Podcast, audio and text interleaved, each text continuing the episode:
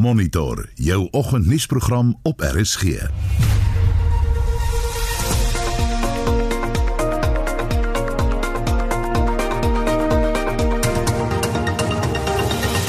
In monitor vanoggend 'n senior lid van die ANC se uitvoerende komitee in Mpumalanga verskyn op aanklagtes wat verband hou met die verkrachting van twee 8-jarige sissies. As the National Prosecuting Authority, we strongly believe that the offence committed by the accused in the matter is of a very serious light. It's a Schedule 6 offence, so we are going to oppose bail in the matter. Die poskantoor gee die versekering dat die nagenoeg 18 miljoen ontvangers van maatskaplike toelaas nie oor hulle Oktober uitlatings of uitbetalings bekommerd hoef te wees nie. En 51 jaar later word die groot Tulbag aardbewing van 1969 as te ware met nog 'n aardbewing herdenk. En wat toe vir my die naaste was, was die vreeslike gille wat opgegaan het van die ou mense. In hulle kamers, kyk, hulle was omtrent almal in die bed. En hulle het toe vreeslik geskree en geroep om hulp en gehuil en dit was pik en nag donker. Goeiemôre, ek is Anita Visser, baie welkom by Monitor.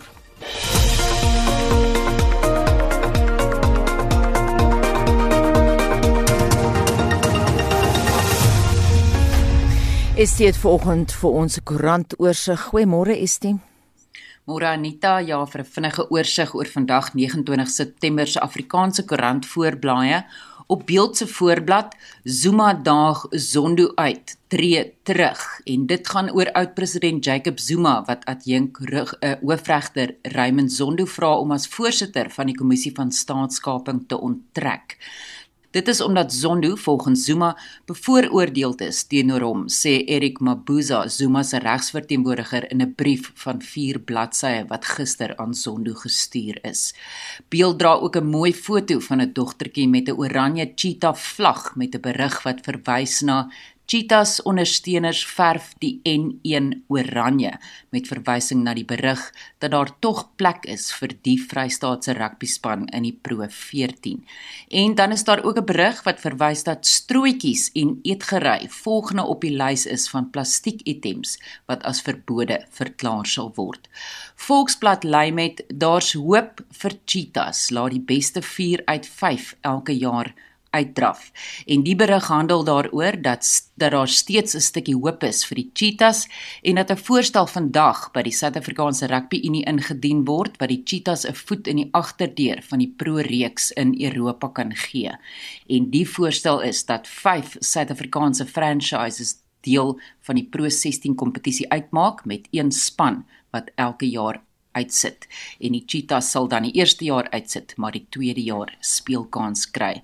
Volksblad dra daarmee saam 'n kleurvolle foto van Oranje Maandag met die bekendste met die bekende Springbok en Vrystaat rugby speler Joggie Jansen wat deelgeneem het aan die optog aan die optog van Cheetah ondersteuners. Volksblad dra ook 'n berig oor antwoorde geëis na man se skietdood en dit gaan oor die gesin van Dion Makwanasi wat Vrydag aand in die Robert Sebokwe Hospitaal in Kimberley vermoor is en sy familie vra antwoorde. Die burger dra 'n foto van die ontslape polisieman luitenant-kolonel Shaal Kinier en 'n greep uit 'n video met die woorde sy laaste 13 minute.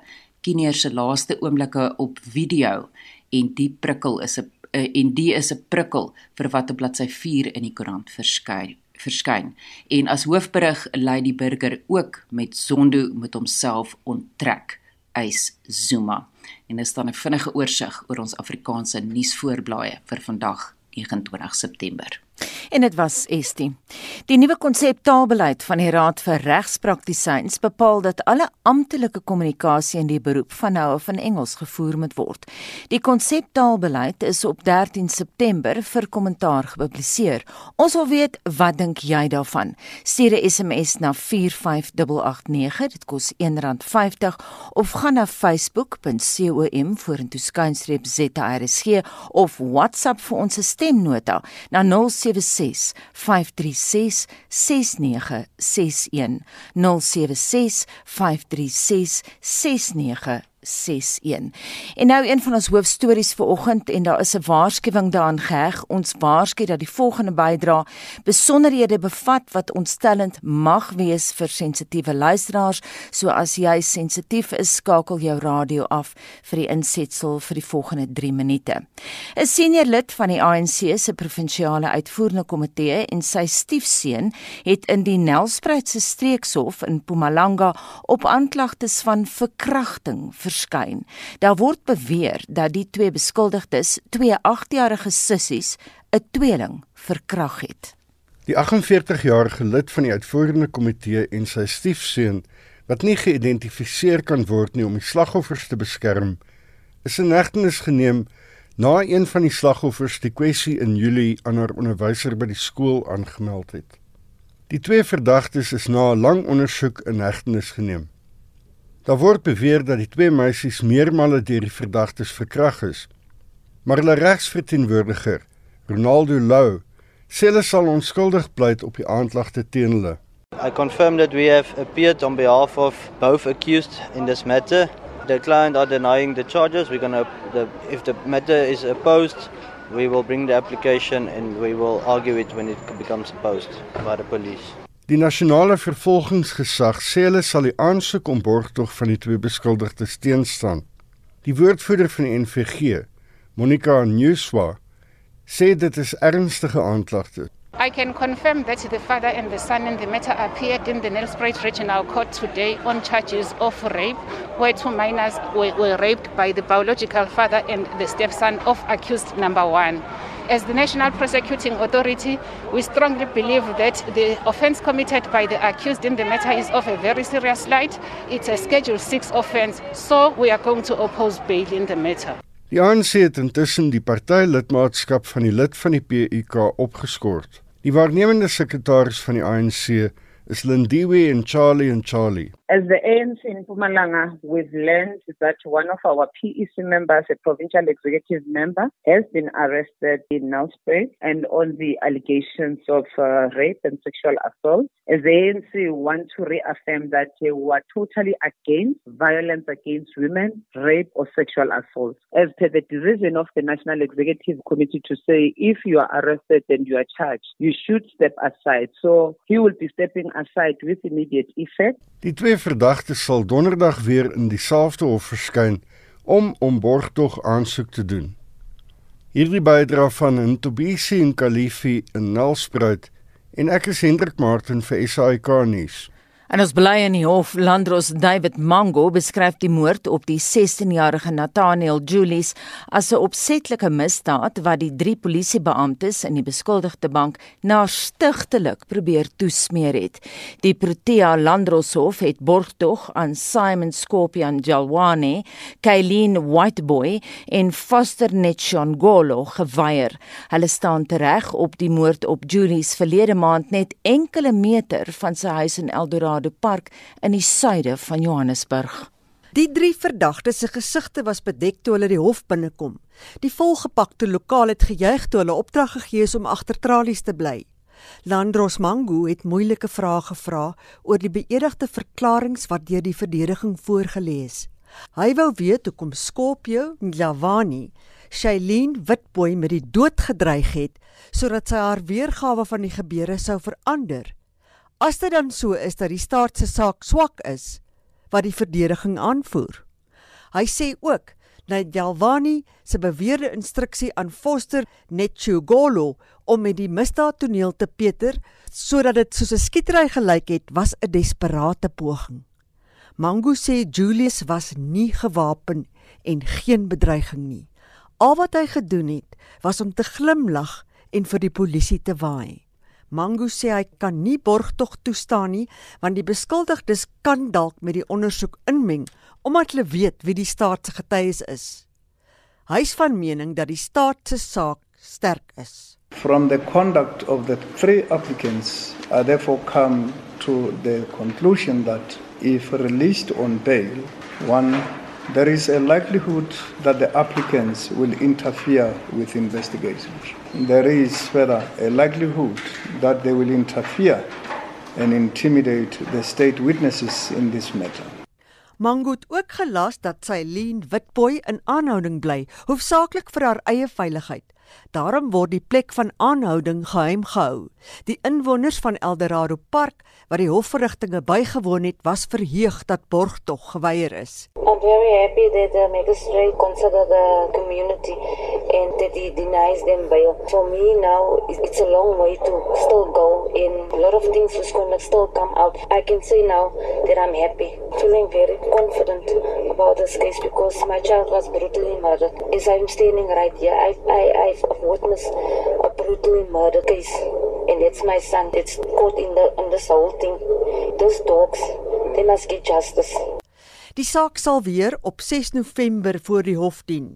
Probashni Moodley het hierdie verslag saamgestel. Mitsi van der Merwe, SAK nuus. Die poskantoor het die versekering gegee dat sy nagenoeg 18 miljoen ontvangers van maatskaplike toelaas nie bekommerd hoef te wees oor hulle Oktober uitbetalings nie. Die poskantoor se woordvoerder Johan Kreer het met Hendrik Weingart daaroor gepraat.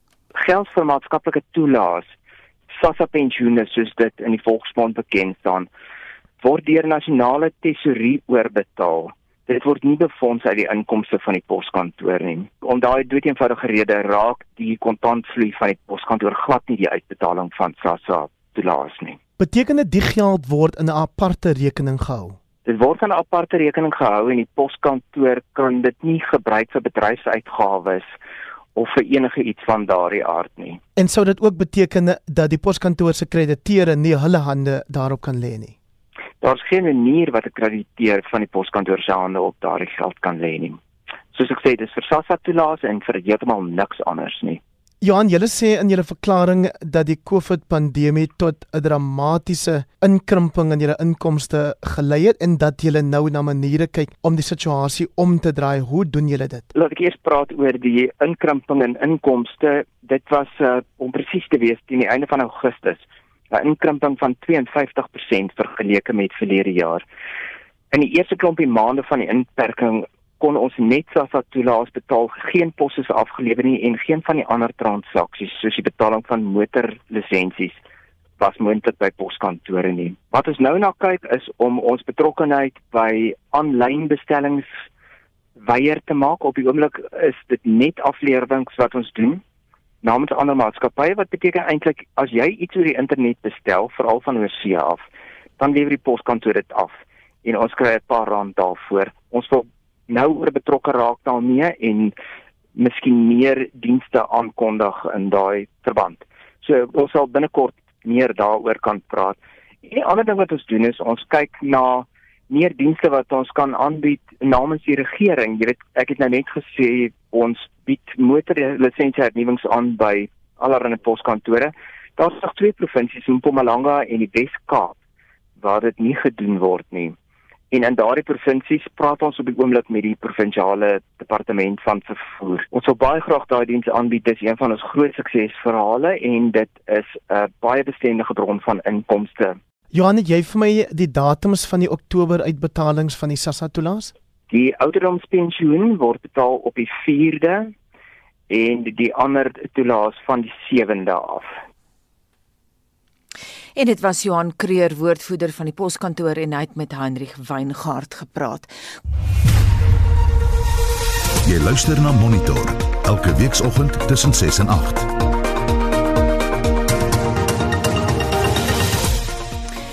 Die jongste nuus, die distrik 6 werkskomitee het sy skok uitgespreek oor die dood van die anti-apartheidsaktivis en stigter van die distrik 6 museum, Dr. Anwar Nagia.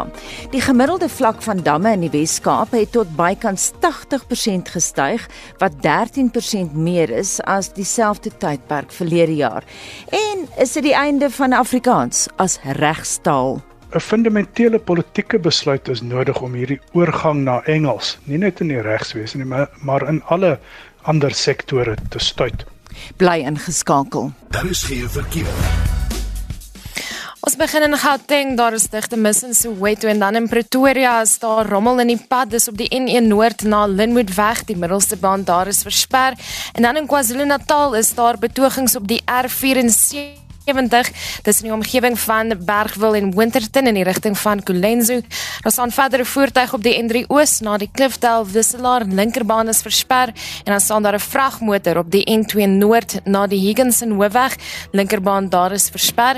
Ek kan vir ons verkeers in die stuur na 45889 onthou elke SMS kos jou R1.50. Van daai SMS'e gepraat, is dit hoe lyk jou terugvoer? Anita Gerda van Heerden sê dit behoort in Afrikaans, Engels en die een mees gebruikte Afrika taal gedoen te word. En dan skryf Mariet Leroux vir ons: Die ideaal is dat alle dokumente in al die amptelike tale beskikbaar moet wees, maar prakties is dit nie kostedoeltreffend nie. Dit is jammer dat Afrikaans nou so verwaarloos moet word, maar uit 'n praktiese oogpunt seker maar die mees werkbare opsie. Ironies dat die grootste kolonialiseerder nou as wenner uit die stryd moet tree. Die groot verloorder is die Afrikaantale. Self sal ek altyd Afrikaans vooropstel in my taalkeuse. En dan skryf Larry Grywenstein op ons Facebookblad: In ons buurland Namibië was Engels van meet af na hul onafhanklikheid die enigste voertaal in die howe. Hulle het gou en sonder probleme aangepas. Terug op eie bodem het Afrikaans onder apartheid 'n onregverdige voorsprong bo alle tale bo bo ander tale verkry. Ek werk al 4 dekades in of met die howe en dit is tog net sinvol dat Engels ook hier as voertaal gebruik word. Dink jouself in, die verrigtinge gaan in Wenda of Zulu voort en regspraktisyns moet van tolke gebruik maak om verrigtinge te volg. Afrikaanse publiek en regspraktisyns kan dankbaar wees dat alle tale nie op gelyke voet hanteer word nie. Die meeste Afrikaanssprekendes is tog ook Engels magtig. Beskuldigdes en getuies sal steeds die reg behou om in die taal van hulle keuse te getuig, dit sal net alles na Engels vertaal word.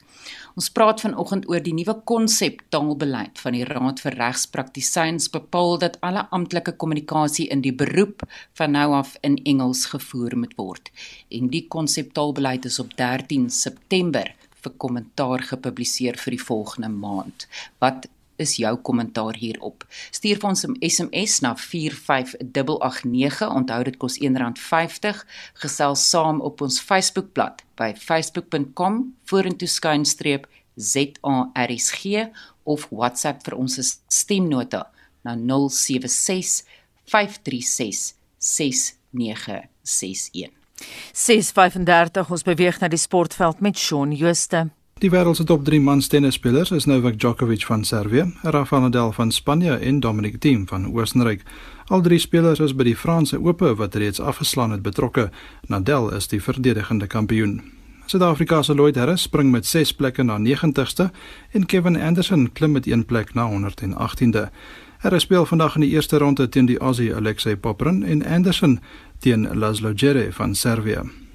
Ryan Klassen is 14de op die dubbelsranglys en hy en sy spanmaat Oliver Marag van Oostenryk kom vandag teen die plaaslike Antoine Huang en Benjamin Bonzi te staan.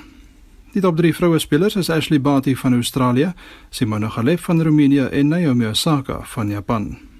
In die golfwêreld is daar geen verandering onder die top 3 mans en vroue spelers nie. Die mans is die Amerikaner Dustin Johnson, die Spanjaard Jon Ram en Justin Thomas ook van Amerika.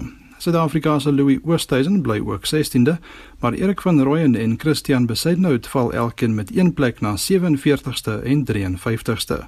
Die vroue spelers is Jin Young-ko van Suid-Korea en die twee Amerikaners Nelly Korda en Danielle Kang. Suid-Afrika se Ashley Buy is steeds 78ste. Cricket Op die EPL punteleer is die Delhi Capitals eerste, die Rajasthan Royals tweede en die Royal Challengers Bangalore derde, almal op 4 punte.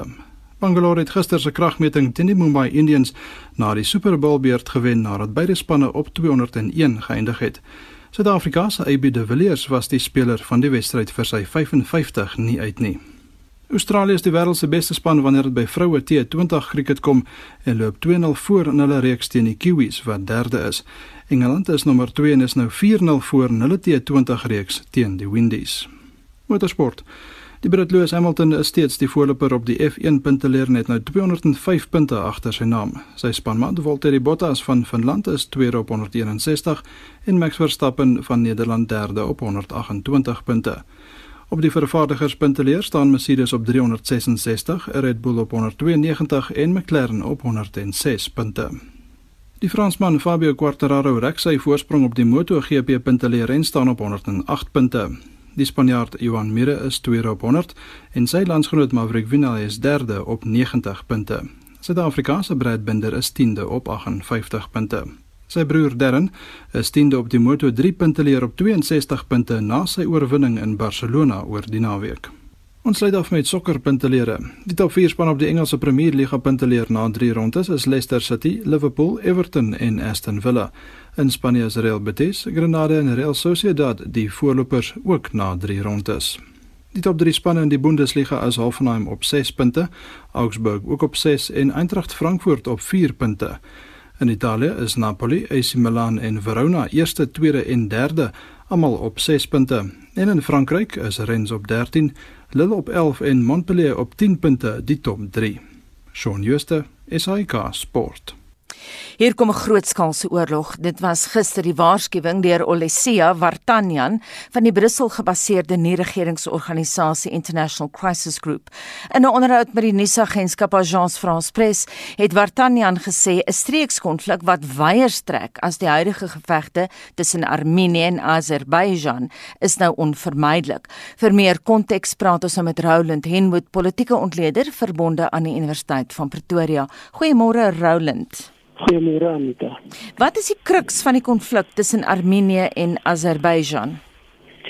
Die kruks is 'n betwiste gebied wat uh, is 'n landsomsleute gebied binne Azerbeijan wat deur die Armeniërs beset is. Maar ek dink die belangrike punt is die konflik nou is dreigend. Mens moet net die konteks verstaan dat hierdie konflik gaan meer as 100 jaar terug rondom grondbesetting, rondom uitsettings van mense Ehm um, daar's die hele vrees en debat rondom wat gaan met mense gebeur. Ehm um, so onlangs as 1990 het meer as 'n miljoen mense tussen die twee streke, dis nou Azerbeijan en Armenië gevlug intern om weg te kom van die een groep van die ander groep. En daai mense is nooit terug na hulle ehm um, woongebiede toe nie. Hulle het alles verloor wat hulle gehad het. So so dis die onlangse geskiedenis. Maar daar's 'n baie lang geskiedenis vooraf um, onder andere die die sensitiewe saak in Turkye van die etniese suiwering van van die Armeniërs met die ineenstorting van die Ottomaanse Ryk. So mense gaan hier baie ver terug in die geskiedenis van wantroue, van konflik en van 'n vorm van etniese haat wat tussen hierdie verskillende groeperinge bestaan. Roland, wat bepaal die internasionale reg? Die internasionale reg op die stadium erken Azerbeijan en dan is die hele gedeelte van Nagorno-Karabakh is deel van Azerbeijan dit is 'n intern in in um Azerbeijan en, en dan het Armenië wat aan die ander kant lê. Nou beide is state wat na die ineenstorting van die Sowjetunie onafhanklikheid gekry het maar dit het nie hierdie historiese konflikte uit die weg gery nie. Mhm. Mm nou Karabakh se meerderheid is um, mense van Armenië, dis Armeniërs. Sou mens die grens kon skuif dat Karabakh in 'n Armeense grondgebied lê? Dit sou baie moeilik wees om die grens net te skuif. Ehm um, weer eens gaan ons terug in die geskiedenis waar die die die onderliggende reëling wat sedert 1918 met die vestiging van Sowjetbeheer in hierdie omgewing begin begin het en in 1920 in in Azerbeijan en in Armenië gevestig is. Is Nagorno-Karabakh toegelaat om as 'n autonome eenheid te funksioneer met ondersteuning en en en, en beheer uit Moskou uit.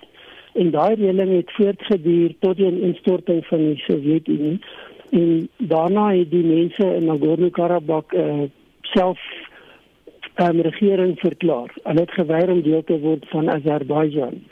Um alhoewel die die internasionale mening is dat dit deel van Azerbeijan is, het die mense daar dit nooit aanvaar nie. Mm. Maar omdat hulle landsomsleute is, maar hulle grens nie aan Armenië nie, gaan dit baie moeilik wees om dit 'n staat te maak. Um Armenië grense wil begin skryf gaan jy of groot grondgebied moet uitruil of verander en jy gaan baie mense moet begin skryf en dit is iets wat nooit regtig lewensvatbaar is nie. Roland Armeense politici kla dat die konflik nog nooit besleg is nie omdat die internasionale gemeenskap nie genoeg daarin belangstel nie. Is dit waar? Dis nie heeltemal waar nie. Ehm um, dit is miskien nie die groot prioriteit vir almal nie, maar daar's oor baie jare baie pogings gewees om een of ander ooreenkoms te bereik. En daar was suksese en daar's vir 'n hele tyd nou baie minder spanning gewees. Ehm dit het baie skielik nou weer opgevlam en een van die argumente is dat daar's nie genoeg aandag gegee nie en die wêreld is besig met ander probleme soos met COVID en ekonomiese probleme. Maar daar's baie onderhandelinge gewees. Daar was onder andere in 2009 ooreenkomste tussen Turkye en Armenië oor beter verhoudinge in die toekoms en baie inkomste is net nooit bekragtig nie en en intussen het ander spanning en ander probleme dit verbygegaan. Daar's 'n groepering onder leiding van Rusland, ehm um, Frankryk en Amerika, die sogenaamde Minsk groep hmm. wat weer lopend met onderhandelinge besig is om te probeer om die spanning te ontlont. Maar maar daar is nie die wil aan alle kante om werklik die proses te dryf en 'n ooreenkoms te bereik nie. So die ding hang in die lug en dan is daar spanning, dan neem dit af, dan is daar spanning, dan is daar insidente en nou lyk dit of daar weer 'n ernstige konflik dreig. Ronald, ek het gister met 'n plaaslike militêre ontleder gepraat hieroor en hy het gesê sy kollegas is bekommerd oor die feit dat Turkye, wat nou 'n bondgenoot van Azerbeidjan is, wel betrokke wil raak by die geskil. Hoe bekommerd is jy daaroor? Ek dink een van die kompliserende faktore is regionale politiek. Nie alweer buite rolspelers wat betrokke raak, soos Turkye.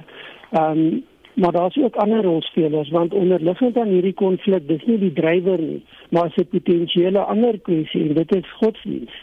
Die Armeniërs is is is 'n Christelike groepering en die Azerbaijanis is moslems. En ons het gesien dat uit moslimgeleedere word daar baie sterk ondersteuning gegee vir Azerbaijan. So so dit is die die tipe onderliggende spanning. Dan het jy die historiese konflik en en die haat letterlik met Turkye en dan die beskuldiging dat Turkye troepe vanuit Sirië en vegters vanuit Sirië aan Azerbaijan gestuur het. Ehm um, um, Turkye het ook groot um, betrokkenheid in terme van wapenverskaffing. Mm. Maar so ook Rusland wat wapens verskaf aan beide, maar baie noue bande het met die Armeniërs. So dis 'n komplekse stel van faktore en en die die vrees is dat regionale belange die spesifieke faktore gaan uitbuit en vererger en dat dit dan 'n baie groter konflik tot gevolg kan hê.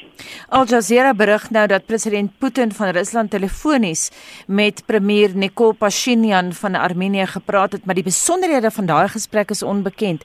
Wat dink jy gaan Putin doen om tren die konflik? Die belang van Putin was tydelik gaan wees om te probeer keer dat dit 'n konflik word, want dit gaan mense dwing om kant te kies. Ehm um, dis nie net Putin wat betrokke was. Iran het dieselfde versoek gerig. Ehm um, die VN-sekretaris-generaal het ook met beide partye gesprek gevoer en gevra dat hulle ophou met die konflik en dat hulle terugkeer na onderhandelinge toe. So daar's 'n hele reeks van inisiatiewe om te probeer om die spanning te beheer en om te probeer om die leierskap te kry om terug te staan. Maar op die stadium lyk dit asof dit deel van die probleem is dat daar soveel emosie is en dat daar soveel alreeds gesê is dat dit baie moeilik gaan wees om terug te staan en dan veral binne die konteks van regionale belange wat op die stadium moontlik kan bydra tot 'n groter konflik eerder as wat dit gaan bydra tot 'n afskaling. Baie dankie en so sê Roland Henwood, politieke ontleder van die Universiteit van Pretoria. Die nuwe konsep taalbeleid van die Raad vir Regspraktisyns bepaal dat alle amptelike kommunikasie in die beroep van nou af in Engels gevoer moet word. Dit sal ook bepaal dat kandidaat-prokureurs hulle eksamens in Engels sal moet skryf. Die konsep taalbeleid is op 13 September vir kommentaar gepubliseer. Essie de Klerk het meer. Die konseptaalbeleid in Engels kom nie as 'n verrassing nie, sê die uitvoerende hoof van die Afrikaanse Taalraad, Dr Konrad Steenkamp. Dit volg in die voetspore van die hoofregter se beslissing oor Engels as die taal van rekord in in die grondwetlike hof. Dis ook 'n direkte uitvloeisel van die regerende party se moet mense uitgedateerde beleid van hegemonie deur Engels. Die Black Lawyers Association ondersteun hierdie transformasie deur Engels heelhuids natuurlik met die doel om hulle lede se toegang tot die sektor te verbeter. Weerens moet mens vra, is dit nog steeds waar ons wil wees? So 'n fundamentele politieke besluit is nodig om hierdie oorgang na Engels, nie net in die regswese nie, maar, maar in alle ander sektore te stuit. Steenkamp sê dit is 'n groot verlies vir Afrikaans. Hy sê verder die beleid is 'n aanval op Afrikaans en alle inheemse tale.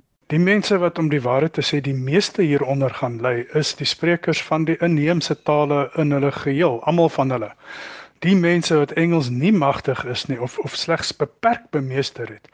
Dit raak dus veral mense in die werkersklas, uh, mense in die platteland. Dit lyk hier egter asof daar eers na die belange van die regslui gekyk word, naamlik hoe kan hulle toegang tot hierdie stelsel kry uh, in eie belang, eerder as die belange van die klante. So juist daarom plaas uh, ons en ander mense die die klem op geregtigheid deur meertaligheid. Maar hy sê dit strek veel wyer as slegs veeltaligheid. Sonder 'n meertalige stelsel, 'n meertalige staat, 'n meertalige land, is dit moeilik om 'n inklusiewe en deelnemende samelewing op te bou. Daar gaan altyd mense wees wat uitgelaat word deur 'n slegs Engels beleid.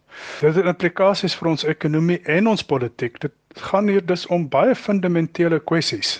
Oudregter Johan Kriegler sê oppervlakkig beskou moet 'n mens vra wat die voor- en nadele daaraan is om slegs Engels as voertaal in die howe te gebruik. Dit wil sê die taal waarin die verrigtinge opgeteken word of waarin dit dan vertolk word van enige van die ander tale wat gebruik mag word.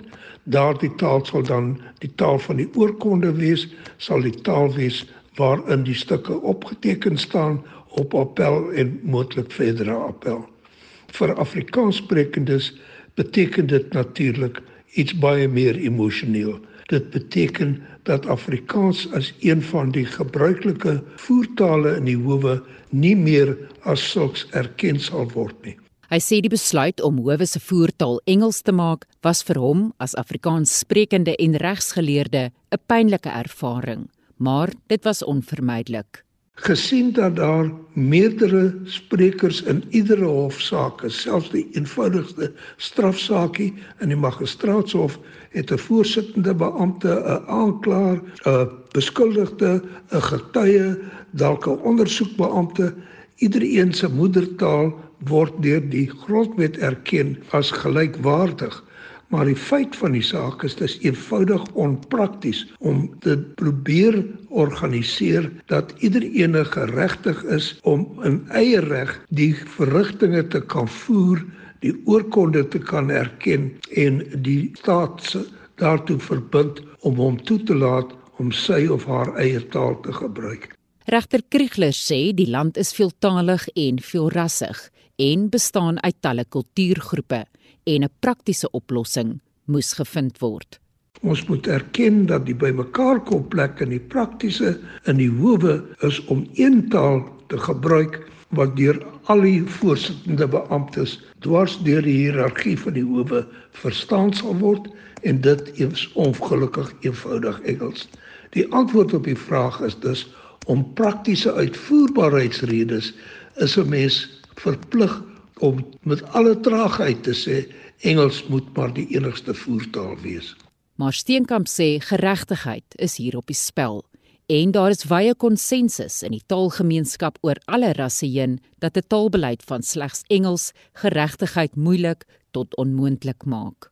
So afgesien van die Taalraad en uh, die ander Afrikaanse organisasies wat tradisioneel by die soort van ding betrokke is, het ook Pansat hulle stem dik gemaak. Dan is daar die Indigenous Languages Action Forum en die African Languages Association of Southern Africa en en talle ander wat ingrypende voorstelle oor die LPC se beleid gemaak het. Die konsepbeleid kom ten spyte van uitstekende taalkundige en taalsosiologiese insette van oor die hele spektrum heen.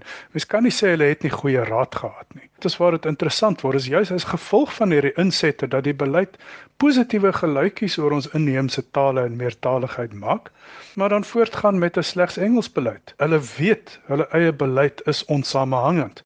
Steenkamp sê dit is van uiterste belang dat die inheemse tale, Afrikaans in kluis, veral nou saam staan.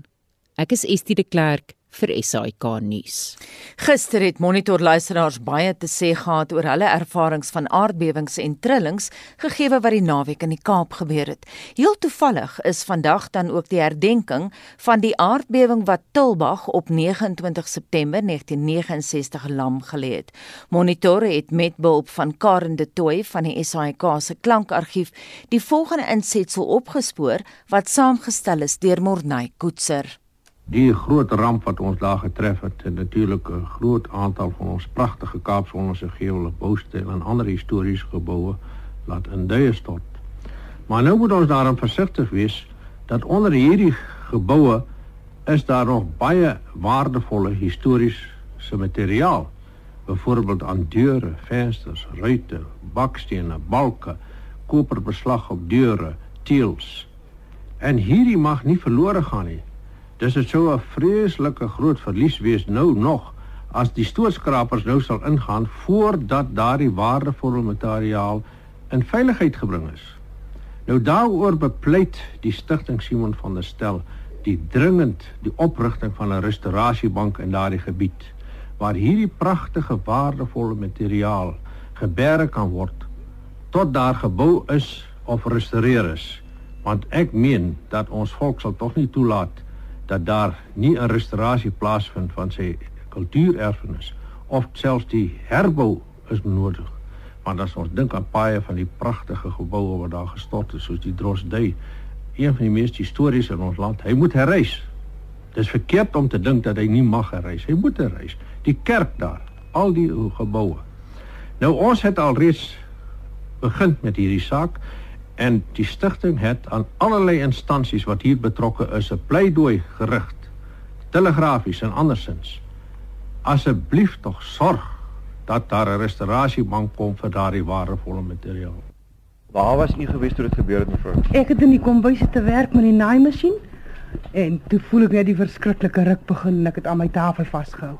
My man en my seentjie die een seentjie het op die dorings gekuier en my man en die kleinste seentjie het al geslaap Hulle niks gaan niks geweet nie. Hulle het van niks geweet nie toe. Dit e, eers die eerste slag verby is toe. Gaan ek kamer toe. En waar ek loop en vat is net grond en sand.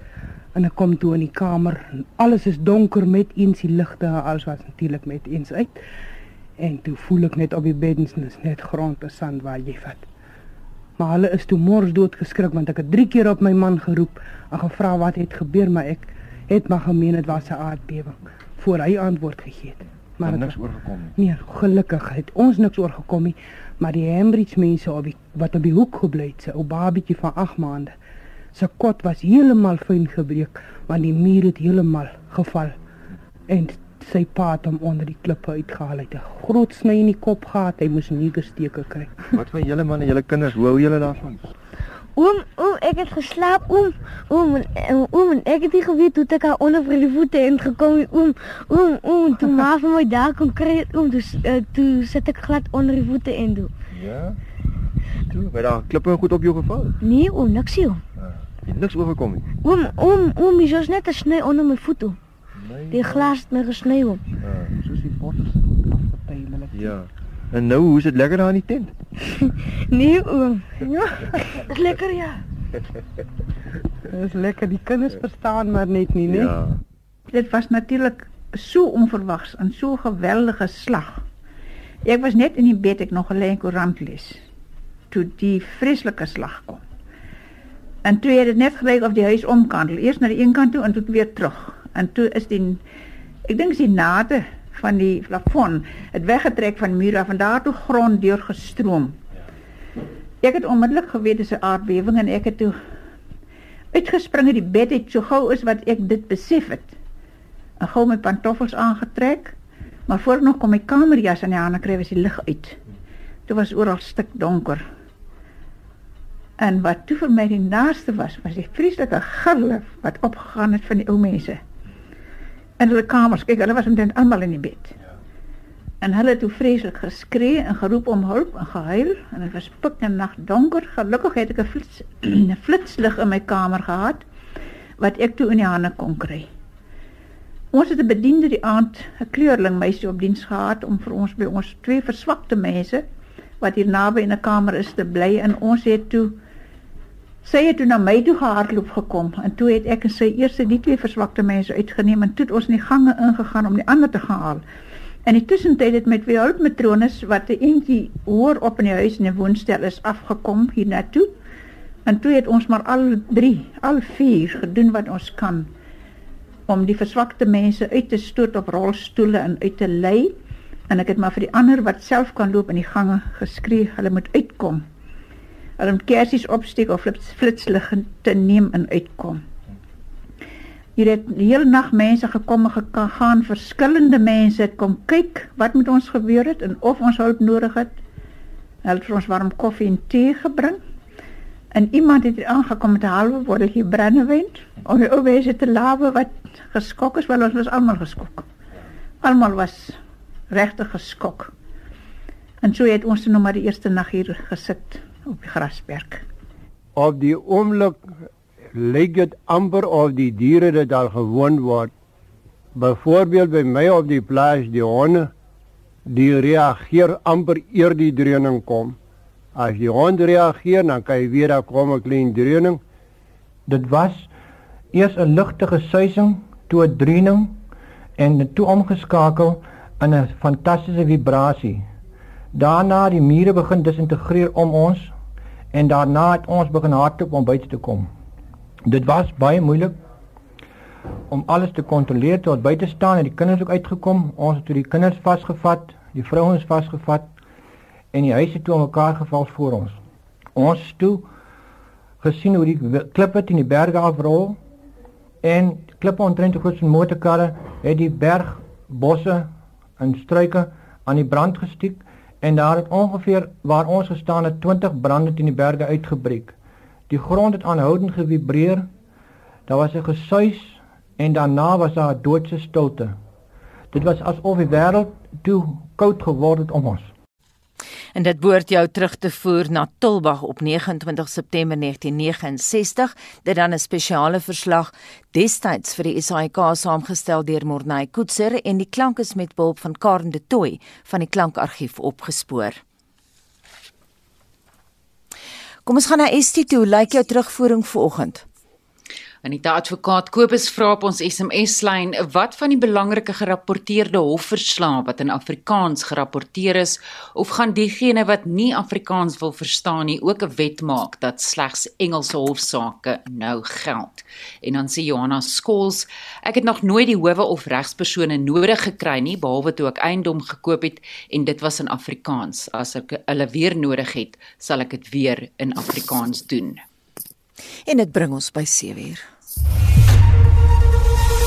SAK nuus. Onafhanklik, onpartydig.